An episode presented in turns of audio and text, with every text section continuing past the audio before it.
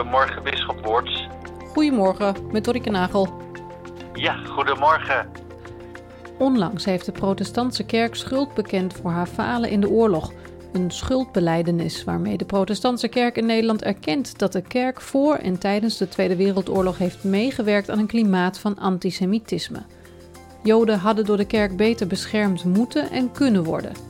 Maar hoe zit het wat dat betreft eigenlijk met de katholieke kerk? Daarover spreek ik vandaag met Herman Woorts, hulpbisschop te Utrecht.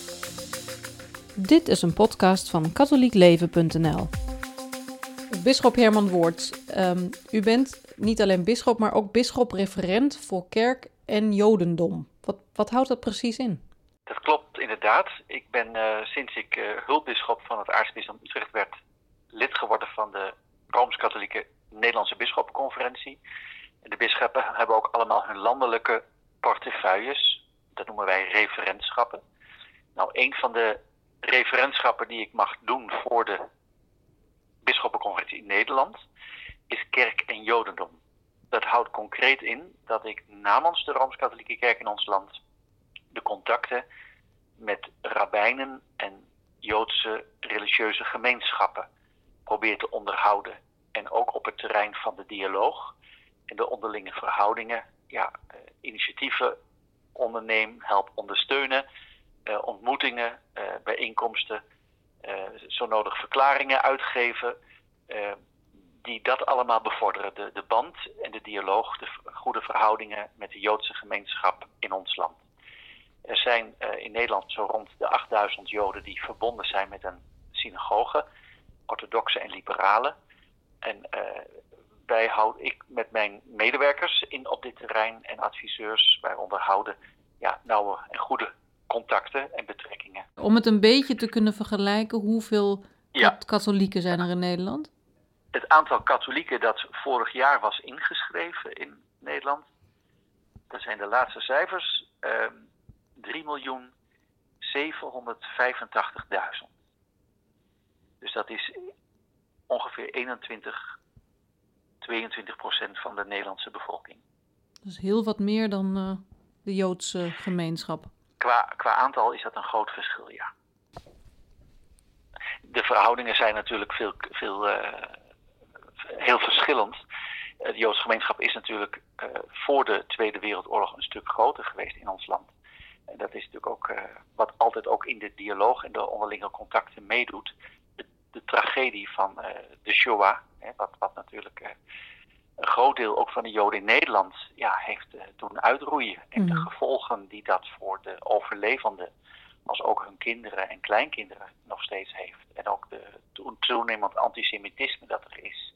De angst hè, wat, wat, er, wat leeft. Ja. De beveiliging die er is voor de Joodse gemeenschappen.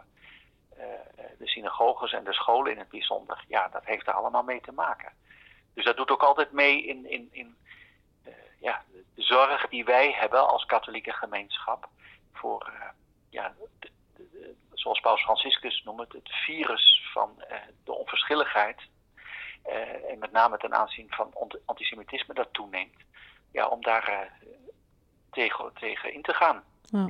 Ik had gedacht dat het woord virus vandaag even niet gaan noemen, maar toch. Wordt het wel genoemd. En ja, nee, wat, wat, en, het, en terecht. Wat niet zomaar uit te roeien is. En ja. waar we echt al het mogelijke middelen voor in moeten zetten om dat tegen te gaan. Ja, dat dus is, dat, dat, dat, is aan de orde. En het is ook, um, kerk en jodendom, zeker ook bedoeld, uh, om ons eigen verstaan als katholieke, als katholieke christenen uh, beter te verstaan. Vanaf het Tweede Vaticaans Concilie 1965 is de verklaring Nostra Aetate gegeven. Onze verhouding als Rooms-Katholieke uh, en Rooms-Katholieke Kerk ten opzichte van andere godsdiensten. Nou, wij komen als christenen voort hè, uit het Jodendom. Het christendom is begonnen als een Joodse beweging. Dus wij kunnen onszelf als christenen alleen goed verstaan als we ook geworteld zijn en blijven in de Joodse traditie. Ja. En dat is natuurlijk een, verzamelnaam, want ja, het Jodendom heeft ook een hele ontwikkeling doorgemaakt. Zeker ook vanaf de tijd van de verwoesting van Jeruzalem in het jaar 70, in het bijzonder van de tempel. Uh, en ook binnen het Jodendom nu wereldwijd zijn allerlei verschillen natuurlijk, zoals dat in het christendom ook is. Maar vanaf zeker 1965 zijn we ons des te meer bewust geworden, en ik zeg daarbij goddank, dat wij wezenlijk verbonden zijn en met het Jodendom. En dat het Jodendom, de Joodse godsdienst, dat hebben de Nederlandse bisschop ook in 1995 nog uitdrukkelijk in een brief verwoord. Uh, dat wij uh, die band moeten koesteren en voeden. Zijn al die 3 miljoen katholieken um, ervan op de hoogte dat die verbondenheid zo nauw is? Nee, dat kan ik rustig zeggen. Dat is natuurlijk iets wat, wat binnen een bepaalde tijd is gaan groeien. Dat zijn vooral uh, mensen die natuurlijk theologisch daarmee bezig zijn, exegetisch daarmee bezig zijn in de ontmoetingen met Joden. Kijk, als ik bijvoorbeeld naar Nederland neem. Uh, ik zelf kom van geboorte uit Apkoude, een dorp onder de rook van Amsterdam. Ik ben naast een Joodse familie geboren. Ik heb met Joodse kinderen als kind gespeeld. Ik heb in Amsterdam gestudeerd. Ik kreeg ook les van, van een rabbijn. Dus Joden zijn voor mij vanaf het begin van mijn leven ja, vertrouwd. Maar de meeste katholieken in ons land kennen, denk ik persoonlijk, geen Joden. Dus wat zij uh, ervan horen, ja, dat is dan vaak of via de media, of als zij zondags in de kerk zijn of door de week, wat ze uit de Heilige Schrift horen. Ja, ja, en, uh, ja dat, dat is natuurlijk uh, een, een, deel van het Jodendom, hè, wat, wat, wat zij niet kennen. Het maakt heel veel uit of je mensen persoonlijk kent. Of je de ander, als ik het zo mag formuleren, persoonlijk kent. En of je daar ook een band mee hebt gekregen. Ik ben nu zelf uh, zo'n tien jaar bisschop-referent voor Kerk en Jodendom. Ik heb inmiddels hele hartelijke uh, banden gekregen met verschillende rabbijnen en andere Joden. Vriendschappelijk. Gisteren hebben we het, de tragedie vernomen hè, van de aanslag in de kerk in hmm. Nice. Mm. Um, en ik heb al van een van de rabbijnen een hele hartelijke mail gekregen van, uit medeleven van hey, we beseffen dat dat leden zijn van jullie kerk. Je bent met elkaar verbonden en dat raakt hun ook. Kijk, de Joden leven natuurlijk al heel lang met beveiliging en aan, angst voor terreur en aanslagen, ook in ons land. Je kunt niet zomaar een synagoge binnen of een Joodse school, dat is allemaal beveiliging. Um, maar het feit dat je dan spontaan zo'n mail krijgt, uh, ja, dat, dat geeft iets aan van de vriendschap en de band die er met elkaar is. In de nacht van 9 op 10 november 1938 werden in heel Duitsland Joden en hun bezittingen aangevallen. 1400 synagogen werden in brand gestoken. De brandweer mocht niet blussen. Ook 7500 winkels en bedrijven van Joden werden vernield. Die nacht ging de geschiedenisboeken in als Kristalnacht. Wij schoten tekort in spreken en in zwijgen, in doen en in laten, in houding en in gedachten. Met deze woorden zal de protestantse kerk tijdens de herdenking van de Kristalnacht ingaan op het falen van de kerk om de Joodse gemeenschap beter te beschermen. Dat is voor het eerst. Is dat iets dat, echt nieuw is, nu, 75 jaar later? Ik spreek voor de Rooms-Katholieke Kerk hè, in, mhm. Nederland. Ehm, in 1995 hebben de Rooms-Katholieke bisschoppen een, uh, de brief die ik zojuist al noemde, levend uit één en dezelfde wortel, over onze relatie tot het Jodendom, uitgegeven. En die brief was bij gelegenheid van het 50ste bevrijdingsjaar. En ook 30 jaar na de verklaring van het Tweede Vaticaans Concilie Nostra Aetate. En daar is ook een heel deel opgenomen in de brief uh, ten aanzien van de Shoah. En als u het goed vindt, lees ik een stuk voor. Ja hoor. Zoals wij dit jaar, dus 1995, met dankbaarheid vervuld zijn als we terugdenken aan het einde van de oorlog, zo worden wij met schaamte en ontzetting vervuld als we terugdenken aan de Shoah. Letterlijk betekent dit Hebreeuwse woord catastrofe. Het is de aanduiding geworden voor de moord op de Joden in het door Duitsland bezette deel van Europa tijdens de jaren 1933, 1945. Uit ons land werd het op één na hoogste percentage Joden weggevoerd en vermoord. Die gedachte laat ons niet los. Terugkijkend op de houding van de Nederlandse katholieken tijdens de oorlog, gaan onze gedachten uit naar het moedige optreden van het episcopaat onder leiding van aartsbisschop Jan de Jong. Dit optreden werd door de bezetters bestraft met de deportatie van en de moord op katholieken van Joodse afkomst, onder wie de zalige Edith Stein. Onder andere getuigden in hun verzet tegen de Jodenvervolgingen van authentieke menselijkheid en christelijk geloof. Dan komt er een nieuw blokje met het kopje fouten. En dan vervolgt de tekst. Maar hadden katholieken niet meer kunnen doen? Niet meer moeten doen? Deze vragen zijn in hun algemeenheid niet te beantwoorden. De geschiedenis van twintig eeuwen relatie tussen Joden en christenen is zeer complex en heeft allerlei sporen nagelaten. Zeker is, dat ook, zeker is ook dat kerkelijke instanties fouten hebben gemaakt. Een traditie van theologisch en kerkelijk anti-judaïsme heeft bijgedragen tot het ontstaan van een klimaat waarin de Shoah kon plaatsvinden. De zogenaamde catechese van de verguizing leerde dat het Jodendom na de dood van Christus als volk verworpen zou zijn. Mede door zulke tradities stonden ook in ons land katholieken soms gereserveerd tegenover Joden, soms zelfs onverschillig of afkerig. Direct na de oorlog was dit nog merkbaar bij de terugkeer van onderduikers en overlevenden uit de vernietigingskampen. Wij wijzen deze traditie van kerkelijk anti-judaïsme af en betreuren de afschuwelijke gevolgen ervan. Met onze paus en andere bisschoppenconferenties veroordelen wij elke vorm van antisemitisme als een zonde tegen God en de mens. Nou, de brief gaat daarna door wat er eh, allemaal gedaan is, althans zo, eh, dat wordt samengevat om initiatieven te nemen, hè, om de band met het Jodendom te verdiepen, mhm. de band met Joden te versterken. Als ik nog twee momenten daaruit mag noemen in het bijzonder. Mm in 19, uh, eh, pardon, 2018 uh, ben ik lid geworden namens de Rooms-Katholieke Kerk van de Raad van de Ambassadeurs voor het Nationaal Holocaust Museum in oprichting. Mhm. Dat gaat in Amsterdam, uh, vlakbij de Joodse, voormalig Joodse Schouwburg gebeuren. Uh, en toen heb ik ook bij gelegenheid een brief aan alle priesters, diakens, religieuze, pastoraal werkers, besturen en parochies gestuurd. Om uh, ja, dat wij onze steun daaraan ook geven. Uh, en daarin heb ik in die brief ook verwezen naar wat Paus Johannes Paulus II in het jaar 2000 het grote mea culpa heeft uitgesproken. Uh, dus ja, wat wij in Nederland doen is natuurlijk ook altijd weer verbonden met de wereldkerk. Er is inmiddels vanuit Rome zijn ook heel veel initiatieven en banden gekomen en ontstaan. Dus dat staat ook altijd in daar staan wij ook altijd in relatie mee. Ja. Betekent dat dan dat de katholieke kerk dus al 25 jaar geleden een soort schuldbeleidenis uh, heeft afgelegd? Ja, laat ik, laat ik het. Ik hou het nu bij Nederland, hè, dus deze brief van 1995, mhm. daarin, dat is namens de Rooms-Katholieke Kerk in Nederland. En daarmee kun je zeggen dat wij toen al hè, uh, ja, dat uitgesproken hebben.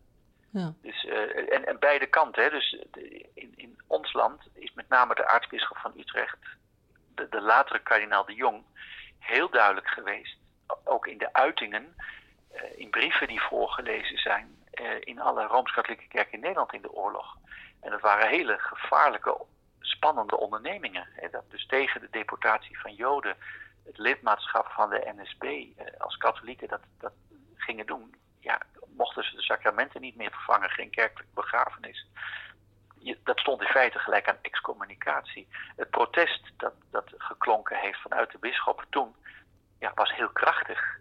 Uh, maar tegelijk, en dat is ook wat de brief hier zegt, anderen moesten daar de prijs voor betalen. Allereerst de katholieken die, de joden die katholiek waren geworden, maar ook anderen moesten daar de prijs voor betalen. Hmm. Dus dat was een hele spannende aangelegenheid. Uh, maar goed, aartsbisschop de Jong met de andere Nederlandse bisschoppen hebben dat verschillende keren in de oorlog gedaan. Zijn, van aartsbisschop de Jong weten we ook dat hij actief betrokken was bij de onderduik van Joden. Uh, voor de Joodse weeskinderen geld heeft verzameld. Daar had hij allerlei contacten mee hier in Utrecht. Uh, met, met studenten die daarvoor zorgden.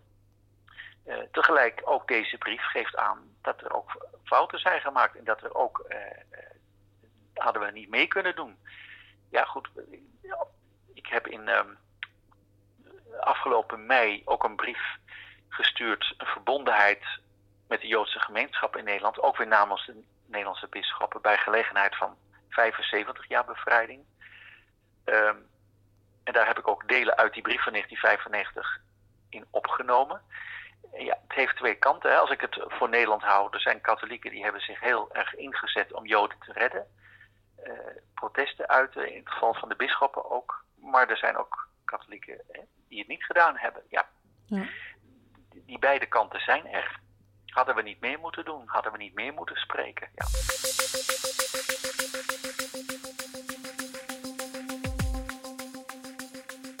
De uh, Protestantse Kerk in Nederland heeft dat nu voor het eerst gedaan, een soort boetedoening. Um, voor tijdens en ook net na de oorlog, dat ze meer hadden moeten doen om Joden te beschermen. Is dat dan, vindt u dat laat? Ten eerste, de tekst ken ik niet.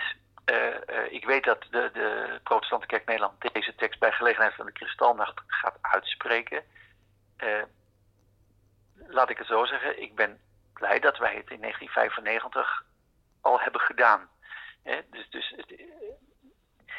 dat is wat ik erover zeggen wil. Ik wil me niet uitlaten over een andere geloofsgemeenschap, kerkgenootschap. of ik dat laat vind of niet. Dat is niet aan mij mm -hmm. om mhm. dat te zeggen. Maar ik, uh, ik merk dat de brief die we in 1995 door, toen was ik nog geen bisschop, maar die toen is uitgegeven en wat we daarna hebben kunnen doen, allemaal heeft bijgedragen aan de band die wij met uh, rabbijnen en Joodse gemeenschappen in ons land hebben kunnen opbouwen. En ook andere uitingen daarna die we ook in de publieke ruimte hebben gedaan. Hè? Bijvoorbeeld de strijd tegen het antisemitisme. Ja. En ook, uh, dat wil ik ook zeker noemen, de Rooms-Katholieke Kerk met de PKN samen heeft vorig jaar, 28 juni, ook nog een verklaring afgegeven tegen antisemitisme. Dus het is ook heel belangrijk dat we daar samen in optrekken. We zijn natuurlijk als christenen geroepen, in, ook in de ecumenische verhoudingen, om hier samen in op te trekken. Nou, dat hebben we vorig jaar uitdrukkelijk gedaan met een gezamenlijke verklaring tegen antisemitisme. Ja. Dus uh, daar wil ik vooral op focussen, wat we samen hebben gedaan en kunnen doen. U gaf al even aan wat, dat, de, dat de verbanden en connecties nu heel goed zijn met het Jodendom. Als u met rabbijnen spreekt of Joden, ik denk dat het het verkeerde woord is, maar voelt u nog, toch nog een soort van ressentiment? Dat ze toch nog steeds een soort terughoudendheid hebben van. Of is er wel een soort vergiffenis? Of hoe werkt dat? Ik denk dat u beter begrijpt wat ik bedoel dan dat ik, het kan ja, verwoorden. Ik, ik, denk dat, ik denk dat ik wat u bedoelt. Uh, kijk, zoals de katholieken niet bestaan, bestaan de joden ook niet. Hè? Laat, ik, laat ik het, uh, en daar wil ik mee zeggen, je bouwt uh, contact op met personen. En ook met groepen. En ja, maar je kunt niet met iedereen een band opbouwen. Hè? De meeste joden zullen mij persoonlijk niet kennen en ik andersom ook niet. Maar ik ken er een aantal. Een aantal van hun leiders. Nou, daarvan mag ik ook zeggen, en, en, verantwoordelijke bestuurders van, van Joodse gemeenschappen. Uh, geregeld bezoeken wij ook Joodse gemeenschappen. Uh, met name vanwege de dag van het Jodendom. Dat is altijd 17 januari elk jaar. Ehm, en dan vinden er in de bisdommen verschillende activiteiten plaats. Nou, ik ben zelf ook hulpbisschop van het aartsbisdom Utrecht. En om de twee jaar bezoeken wij een Joodse gemeenschap, de aartsbisschop Karnel Eijk en ik, met de mensen die in ons bisdom bezig zijn met de dialoog en de band met het Jodendom. Uh, dus zo bouw je banden op. Uh, en het andere jaar hebben we meer een studieuze bijeenkomst. dus dat, dat verschilt per jaar. Maar zo bouw je het op. maar het kan altijd beter en het kan altijd meer. Maar ik ben dankbaar dat dat na zo'n tien jaar dat ik nu bisschop-referent mag zijn, en met diverse rabbijnen en andere joden in ons land en, en gemeenschappen een dusdanige band is dat het heel vertrouwd voelt. En dat is vooral belangrijk. Dat je ook gezien het verleden, ook, gezien het verleden, ook gezien de geschiedenis, uh, met zwarte bladzijden die er zijn, uh, dat, dat er inmiddels heel veel moois en goeds is opgebouwd. En daar ben ik ontzettend dankbaar voor.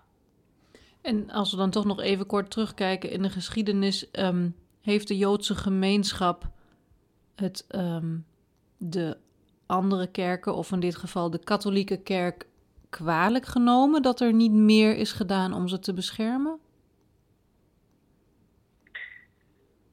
Ik vind het moeilijk om die vraag zo te beantwoorden. Ik, uh, kijk, wat, natuurlijk internationaal heel erg speelt, uh, dat is uh, de vraag naar de rol van Paus Pius XII.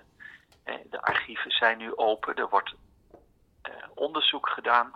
Uh, dat zal nog jaren duren. Dat was, hij was paus ten tijde van de Tweede Wereldoorlog? De Tweede Wereldoorlog.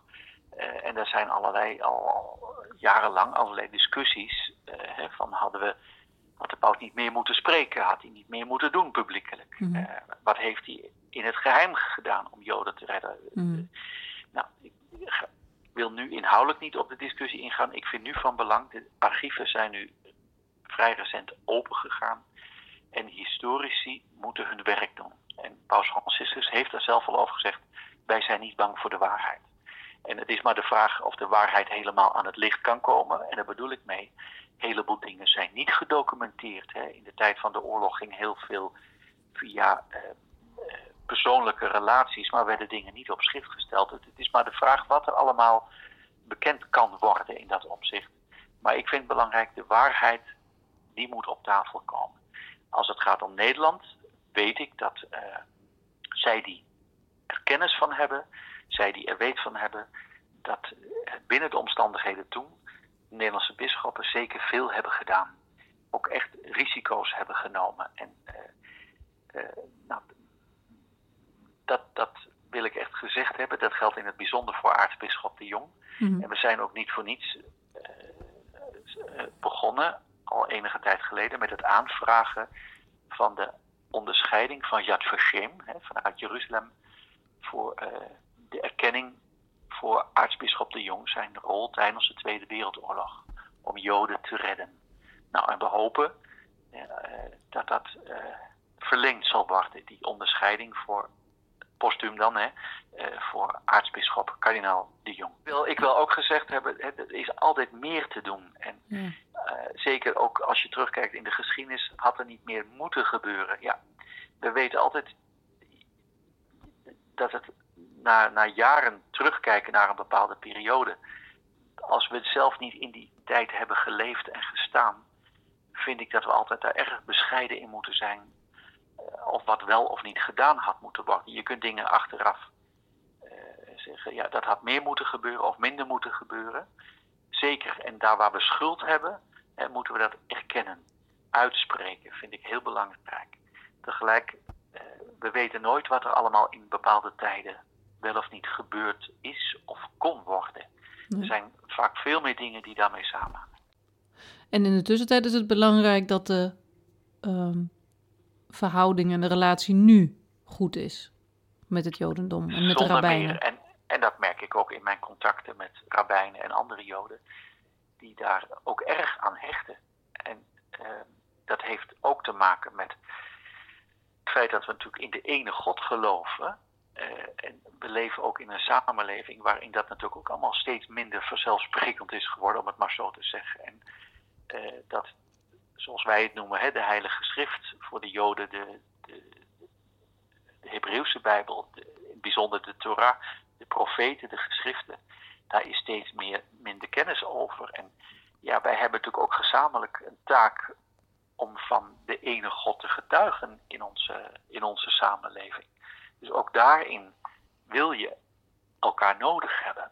En ook ja, dat we de samenleving zo proberen vorm te geven dat het ook overeenkomstig Gods bedoeling is. Nou, we hebben wat dat betreft, als ik christenen mag spreken, we hebben het Oude en Nieuwe Testament, of het Eerste of Tweede Verbond, hoe je, hoe je het ook, ook, noemt. Maar daarin wordt zoveel aangereikt hè, hoe God het ons samenleven voor ogen heeft en hoe wij gezamenlijk daar ook eh, geroepen zijn om daar vorm aan te geven. Bedankt voor dit gesprek. Graag gedaan. Dag Ulrike, dag. Dit was een podcast van katholiekleven.nl. Bedankt voor het luisteren.